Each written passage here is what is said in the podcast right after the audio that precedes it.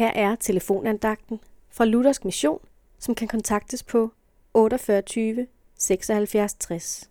Andagtholderen i dag er Jensine Lund.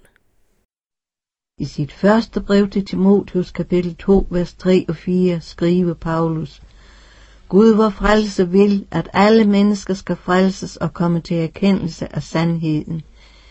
Her møder vi Guds vilje, Guds kærlighed.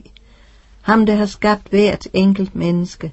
Han ved, hvor vi bor, kender os, ved, hvad vores hjerte rummer.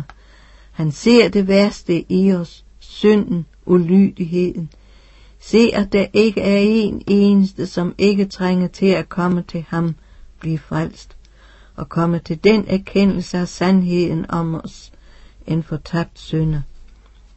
Julenat forkyndte englene, Eder er i dag en frelse født.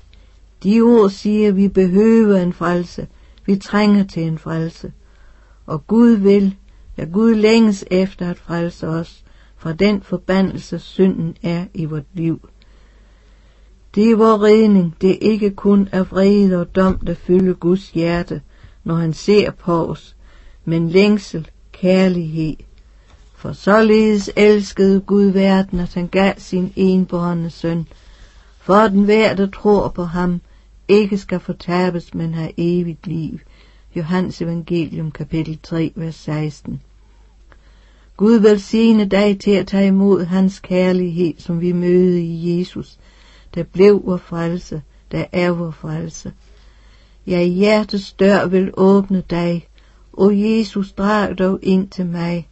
Jeg vil din nåde lade det ske, at jeg din kærlighed må se. Amen.